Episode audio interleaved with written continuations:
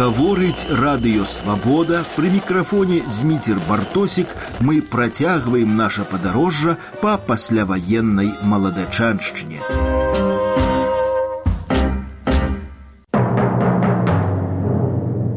Напрыканцы сорокавых гадоў у заходняй Беларусі дзейнічала не адна падпольная моладзевая арганізацыя. Слонімская чайка, пастаўскі і глыбоцкі саюз беларускіх патрыётаў, баранавіцкі камітэт вызвалення Беларусі, нясвійскі саюз змагання за незалежнасць Беларусі, мядзельска-смаргонскае моладзевае падзем'е. Слядоў гэтых крымінальных справаў у маёй тэчы рэчцы быць не можа, бо гэтыя справы разглядаліся не ў абласных судах. Гэтых людзей судзіў ваенны трыбунал.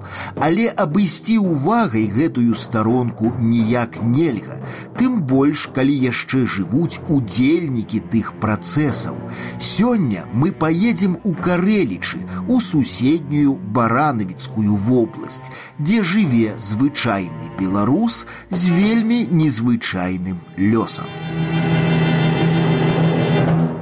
Вільня, я лічу, это ж беларускі цэнтр культуры нашай. Ну чамусьці ў гісторыі препадаецца, што это литовский город, польский город, ну что не был.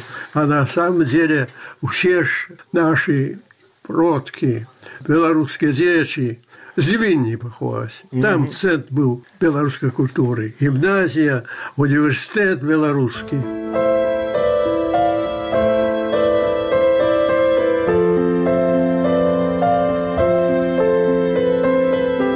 Я сяджу ў гасцях у карэліцкага старажыла Лявона Богуша, немалады, інтэлігентны, падобны да прафесара чалавек, расказвае мне, што вільня наша сапраўдная духоўная сталіца, што вялікае княства старажытная беларуская дзяржава. Карацей, стары расказвае звычайныя рэчы, вядомыя кожнаму звычайнаму беларусу. Незвычайны тут узрост майго суразмоўцы 92 гады і ягоны лёс. Сярод людзей ягонага пакалення, народжанага напрыканцы двадцатых і пачатку тридцатых гадоў, звычайных беларусаў я сустракаў найперш сярод тых, хто прайшоў выхаванне ў саюзе беларускай моладзі. Я кажу тут не пра тутэйшага, не пра касцёльнага паляка, а пра беларуса звычайнага, як пра звычайнага паляка ці звычайнага літоўца, якія гавораць на сваіх мовах, пяюць свае песні, ведаюць свае гістарычныя міты ды памятаюць сваіх нацыянальных герояў. Звычайны прадстаўнік звычайнай усходнееўрапейскай нацыі. Там была идея белорусской незалежности, самое главное. Мы только там и познали, что мы белорусы. А до этого не ведали, кто мы такие, тутейшие и все. Тутейшие. А там уже как назвали, что белорусская семинария, наша Беларусь, я кажусь, вось наша замок на горы Медовга. Колись столицей была Беларуси. Любый Неманский край, край тиши и гаев, где пяют соловьи, про нашу любовь,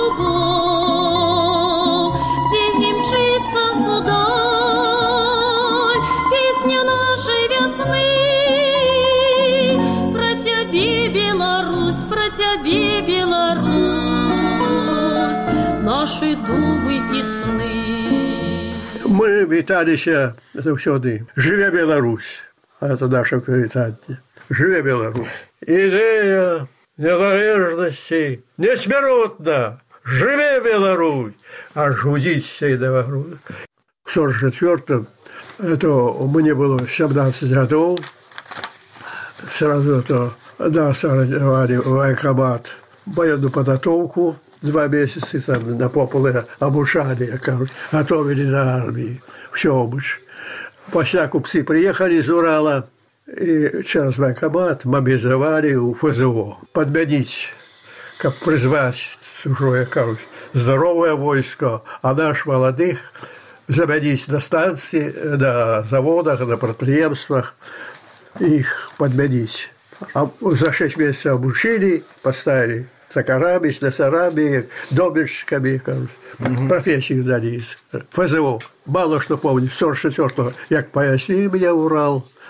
Только помню, что мы спевали песню на выгнании. Не надходят, не проходят, не летут. Биться в рейх бурливій хвалі далі пливу. Третій год я на вигнанні в чужині.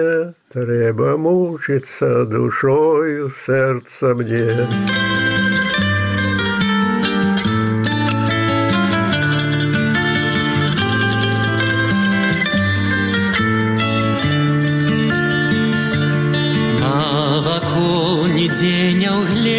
Угледишь родных хат, Не протягне рук зычливо родный брат, Не поделишь наводумок с никим тут,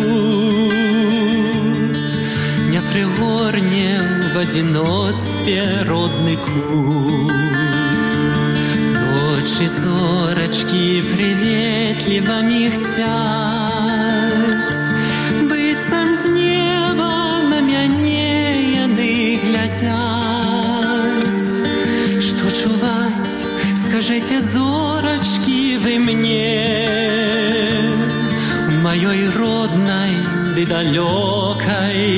далёкай старане. Наўрад ці Сергей Новік Пяюн, калі пісаў у 29 годзе свае зорачкі, думаў, што гэтая песня стане для многіх беларусаў сапраўднымі лекамі. У такіх пякельных выгнаннях, якія ў 29 нават не ўяўляліся, калі б лявон богуш звычайны беларус колішні навучэнец наваградскай настаўніцкай семінарыі былы чалец сбм застаўся б на ўрале можа быць злы лёс і абмінуў бы яго але ў сорок сёмым годзе наш герой вяртаецца на радзіму дзе звычайнаму беларусу знаходзіцца небяспечна лявон богуш становіцца студэнтам эканамічнага тэхнікума дома у тым самым наваградку над якім яшчэ тры гады назад у сорок четвертым разляталася іх гучная жыве Беларусь с третьего курса с урока нас за конверт забрали. А чего-то было, это трудно объяснить, чи там провокация была, что что. Наш третий коллега был в Бресте, и он на год ранее с Урала учел. Там связался с такими подпольной организации белорусской, националистичной. И як на каникулы он приезжал на отпуск, сустракаўся з нами, и мы некую расписку расписали. В общем, чорно-белое, на виде присяги. А бумажка попала в КГБ. По сутности, вы не приймали удел ни в якой организации? Никаких. Ну, только что эта встреча была под пятую руку, разговор, и эта бумажка словы написаны были. И это послужило, як нам этой з нами разом сидел, каже, вы ж сами себе паспорт у тюрьму написали. Это кто сказал? Как закрыть дело этой организации, поставленный был человек, который ничего с белорусским делом не имел. И он до этого нашего керовника, и не моего керовника этой организации, сказал, ты ж продатель, ты провокатор, ты ж детей этих посадил, загубил Водаков. Ты ж продал их, заставив паспорт в тюрьму написать Колькі ж яшчэ існавала арганізацый, выдуманых у кабінетах МГБ. Колькі маладых людзей атрымалі 25гадовыя тэрміны толькі за факт подпісу. Некалі гэта будзе вядома, тады, калі знікне ўлада НКВД, МГБ, КГБ. А провокатор кто это был? Провокатор? Это я лечу, что он провокатор. Тумашчик. Ён сам Скарэліч. Но ён быў на ссылцы, там выдаў повев организовал. Их посадили, постреляли, которые были. А он цишти вышел. И знамя так был. Но знамя его судили. Так по показухе. Но у, у умовы совсем другие у него были. Самая сила у советской этой системе была это сексотство, секретные сотрудники. Это не столько как армия, а секретные завербованные сотрудники, которые доносили, продавали. И вот такие вот сексоты, я кажется, организовывали многие под, подпольные группы, и потом пересадили шмат невидного народа.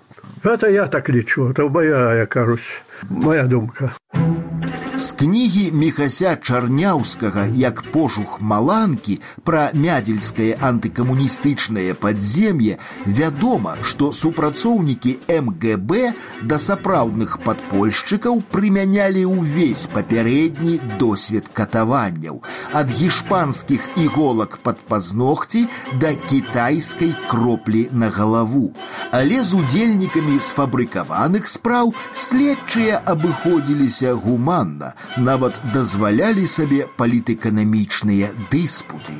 Калі яны вялі гэтую справу, вас на допытах не катавалі, не білі, не. Не, ну як для віду сам следователь, хоць еврей быў, ну разумны чалавек, як адзін на адзін ён са мной і пра палітыку гаварыў пра про науку яны што ж изучали политэкономию, это марксизм, ленинизм, а у нас финансовая техника это политэкономия был головный предмет. Он со мной, да, як это понимать, капитал, прибавочная стоимость, як создается капитал. Он говорит, ничего ты не разумеешь. Прибавочная стоимость машины не создаются. И я и говорю мне, кара, себе, короче, вывезут, ты будешь строить коммунизм, только бесплатно, кажется, потому что треба развивать экономику, строить заводы, железные дороги, шахты, уголь добывать. Все же это треба платить за это. А кто поедет робить туди, до чевер, на те шахты? Никто ж не поедет, бо на это треба великие гроши. Где их взять? Вот этой системой МГБ давали уже шаловным везли этих людей, я кажусь, и будовали коммунизм. Вот это мы стали прибавочную стоимость, политэкономию на практике. Сколько вам дали? Ну, сразу 25 дали. Ну, Могли, я кажу, і расстрел все, что... Но его не было тогда. Тогда той часом не было что-то. Хотели бы принять дни, не приняли это закон. Лепше было выкористать, чем это, кажуть, списать. И покуль Сталин жил бы, не было 25 як ён ужо пасля яго смерці мне 15 гадоў здзялі. Вы памятаеце свае адчуванні. Вы спадзяваліся вернуться ці не ці это было просто кошмар все жыццё закончилось я... не я аптымістычны быў заўсёды такое захварэў туберкулёзам это забарэў два годы прорабіў у землю меня не бралі у шахту на поверхности это называліся мехмастерскія мы для этого все оборудование для шахтеров, для машин, для групп машин на, у мастерских наверху робили. Это было... Я оптимистичный был в этом отношении. Да как я захворел туберкулезом, этой формой, вот как подано читал вот мне да, настольная книжка, мне это самое, кажется, близкий человек, Максим Авданович, что он пережил почти то, как я. Мне посчастило, Ён хоць і я кажу захварэў у тут у этих у ялце лячыўся но это ўжо смяротная хвароба была мало хто выхадзіў мне пашчасціла у тых умовах я кажусь нечалавечых с такой хваробай вярнуцца як я захварэў этой хваробай надзеі ніякай не было стратил все надеи, потому что поместили вот туберкулезный стационар, ты был в палату с открытой формой, э, палочки Коха это нашли, кровь у меня, короче, пошла. Ну, надеи никакой нема. Я не знаю, чи молитвой, якім чынам ну, напэўно у молитвах звяртаўся за яе мамы яна вельмі набожна была любіла я кажуць Богородицу Христа, церковь, она все время, хоть советской наставницей была, вельми набожная была. Молилась так щиро, что трудно сказать. Как я так молился, моя молитва дошла до нее.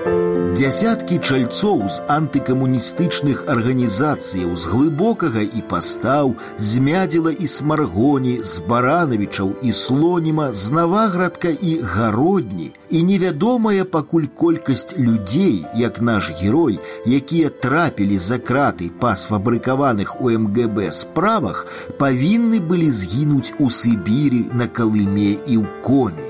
Іх выратавала смерць Сталіна, але не толькі. Лявон Богуш з тых людзей, пра якіх кажуць, нарадзіўся ў кашулі. Як палітычны вязень ён мог загінуць ад рук крымінальнікаў, ён мог не вярнуцца з варкуцінскай шахты, ён мог памерці ад сухотаў, але ён не толькі выжыў, да сённяшняга дня захоўвае светлы розум. Гэтая цудоўная гісторыя таксама пра тое, як важна сустрэць у момант поўнай безнадзейнасці чалавека, які выцягне з таго свету. У варкуцінскім лягеры маладому вязню з Беларусі такі чалавек сустрэўся. У тых умовах, дзе 4 тысячи людзей, як кажуць па гэтых бараках, на нарах спяць у тых умовах, як магло здарыцца, што як я захварэў папаў у тых стацыянар, да мяне звярнуўся прафесор. Это адзін быў да многія лаяра, там много лаяров, это гулах северны быў варкутла. Профессор Беляеву, Александр Беляев, помню. Приходит в палату, до меня нас там где-то 8 человек с этой формой, смиротников, где тут студент белорусский. До меня на койку, як я уже в палаце лежал, присел. Ну, як ты, чего ты тут попал? Ну, я говорю, я сам не знаю. Кажа, можешь не рассказывать. Там умеют с ягненком зрабіць крокодила, волков, пару месяцев попрацавалі над тобой, и ты як быў ягняткам, то стаў, што, кажуць, самым страшным звером Я глядзеў на яго ён такі невялікі чалавек ну, ўжо ў узросце ў годах но позірк яго казалось насквозь пранівгаў есть такія людзі што глядзіць на сябе кажа ён себе насквозь бачыць кажа детка я тебе хачу памагчы і думаю памагу узяў мяне на рэнтген кавода дашоў тут под корнем лёгкую дырочку каверда вот тогда какая причина. -то. Кажа, да я постараюсь залатать плавахши, что смогу. Як это получилось? Семь годов я уже вернусь сюда, и будучи жил всю техникуме, еще тут поддували меня, выключено было. Это все в лагерной клинице? Это в лагерной клинике. Да он меня научил, как ты никогда не думал, что ты хворый, как ты там не, отчаивался, эти чехиры, якія, это люди сами себе, как скорей, сысти в могилу. Не отчаивайся. Открывай фортку при любом морозе, там 40-градусные морозы. Фортка как была открыта завсёды. Хоть 5 градусов, 7 градусов на дворе. Как все было открыто. Днем гуляй. Кругом по зоне – дорожка есть каля проволоки. И самое главное, с палаты вывел меня этой. Поставил меня этого доктора нашего, который был у палате, поставил его помощником своим, этого студента. Мне в отдельную палатку положили, и я стал это, помогать доктору нашему который туберкулезных лечил. Каб я был занятый, каб я не думал. И самое главное приказал, каб ты не думал, что ты хворый. думаешь, что ты здоровый. Можешь это, играть, на чем грай. Можешь и карты там, те что-нибудь. Как ты не думал про хворобу свою. А я что? Я не музыкант. Стихи не умею писать. Что я умел? Спевать только сам себе. И я то день и ночь, кажусь, спеваю. Не могу поравнать себе с солнцем, Твоих ясных огнистых очей, Бо не светить мне солнце с небесов Ярким светом у темной шеи. могу поравнать тебе зоркой, Днем не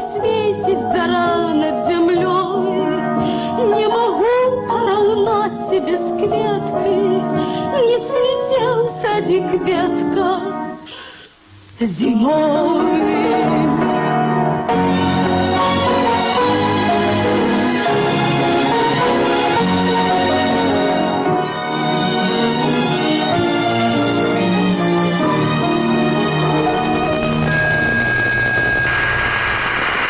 лявон Богу ж загінуць і ад прыроднай стыхіі падчас буры на паўночнай рацэ. У якім годзе вы селі? Это... У якім годзе пасадзілі мяне 49 49 mm -hmm.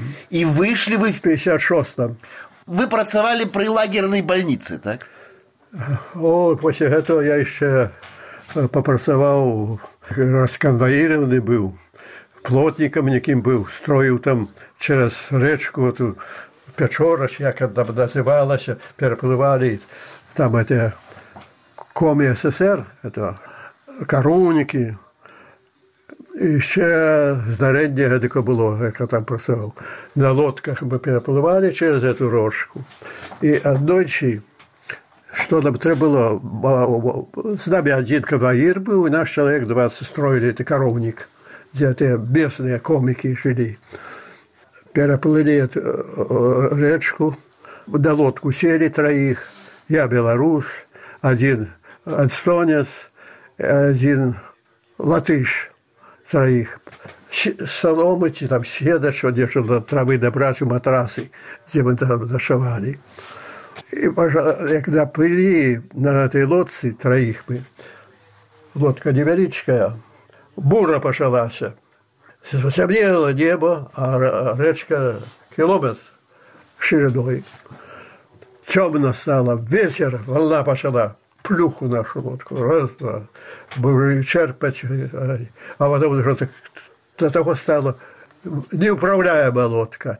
Темно стало, и нас понесло по течению. И снова я взмолился, я кажусь, что ваше все у Харские ворота, у ледовитые раны, у Беломора занесе меня, и все. Никто наш не нойдет. Я эта молитва, да дошла до моей матери. Мать мне почула это. Она рассказывала, как я уже вернулся через несколько годов. Каже, я чула твою молитву. Я пала на колени и стала молиться. Боже, Матери, Христу, яким умела молиться все. І як то нас занесло, а то вже ми, як кажуть, подведеш, а куди хочеш занеси по течению. Темно и все. Катер затаращил. Свет осветил нас катер. Подплывая до нас, собираете, я там уже, я кажусь, сознание забыл, и без дома мне уже в лагерь завезли, эти охранники. Я через 3-4 дні тільки очухався. У тих умовах, это ж з наших, что были в, том, в больнице, ни один не вернулся. Самые крепкие, с легкими очажками, они почти повмирали. Это профессор Беляев сказал, а ты, деточка, будешь жить долго. Глядел на меня, кажешь, будешь очень долго жить. И сам будешь дивиться. Я, когда такое глядит на меня и так говорит, як дзіўна, а? Не верится, что это могло быть. І яшчэ адзін цуд здарыўся з лявонам богушам у лягеры, Яго адшукала закаханая ў яго дзяўчына, з якой вучыўся ў настаўніцкай семінарыі яшчэ падчас нямецкай акупацыі. Вот, который на пять год был осужден, и вот родился меня малосрочников, их сразу стали помер, в 54 году стали отпускать. Это первая, кажется, оцепить пошла. И это мы, кажется, будущее же еврейской половине рассказал, когда сама я воспитала садовёски с запода.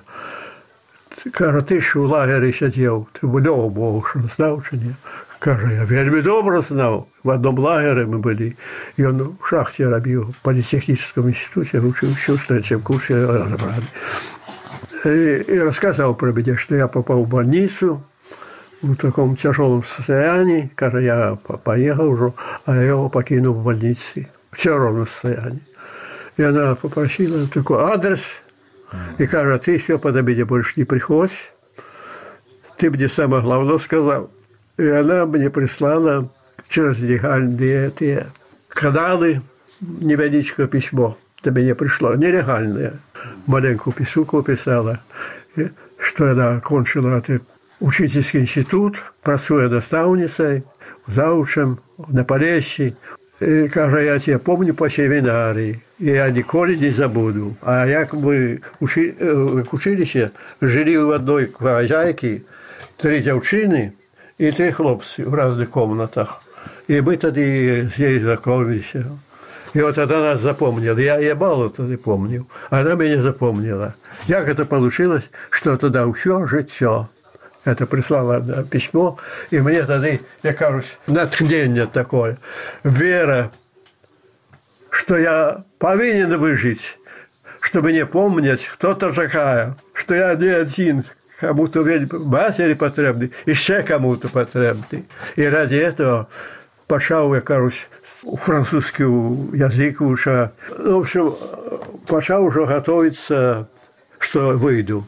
Но с другого боку, хотелось, написал я в Верховный Совет какую-то просьбу – прошу перевести мне на континент, севера, с Заполярья, северного блока. И мне перевели э, наш, почти все этих инвалидов Углич, Ярославская область, над Волгой, инвалидный лагерь.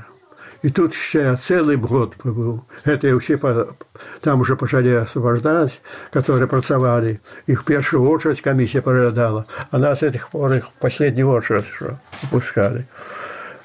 Я уже отсюда, с Ярославля, с Углича, вернулся додому.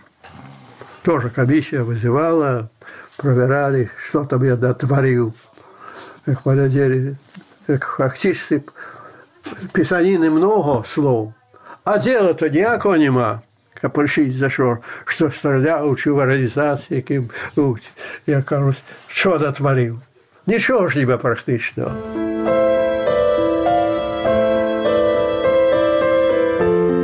Па вяртанні з варкуты лявон богуш пабраўся шлюбам з той, дзякуючы якой выжыў адвучыўся, працаваў ветэрынарам, дажыў да ўнукаў і праўнукаў. Спадар Лявон лічыць, што яго пасадзілі ні за што, але гэта не так. Памылкі ў дзеяннях МГБ не было. Янка Брыль аднойчы выказаў думку, што калі б беларусу загадала начальства быць беларусам, дык гэта быў бы ого-го, які беларус. Надраз беларусаў словы клясыка гучаць не надта камплементарна. Асабіста я самых сапраўдных беларусаў сустракаў якраз не з ліку тых, каго абеларусілі пад прымусам. Зрэшты такога ў гісторыі, здаецца, і не было ніколі. А вось тыя, хто ад нараджэння ніякай іншай мовы не ведаў, хто затым прайшоў у польскіх школах навуку нацыянальнага прыніжэння, а праз пэўны час ужо за немцамі, дзякуючы будучы беларускім настаўнікам уздыхнуў на поўныя нацыянальныя грудзі адчуў сябе чалавекам гаспадаром сваёй культуры і творцам сваёй гісторыі таго ўжо цяжка было загнаць у стойла з прыходам савецкіх войскаў. Чаму менавіта і бралі найперш тых, хто адчуваў гэтую розніцу паміж Беларуссю і савецкай Беларусіяй. Тых, хто мог перадаць гэтую розніцу сваім дзецям.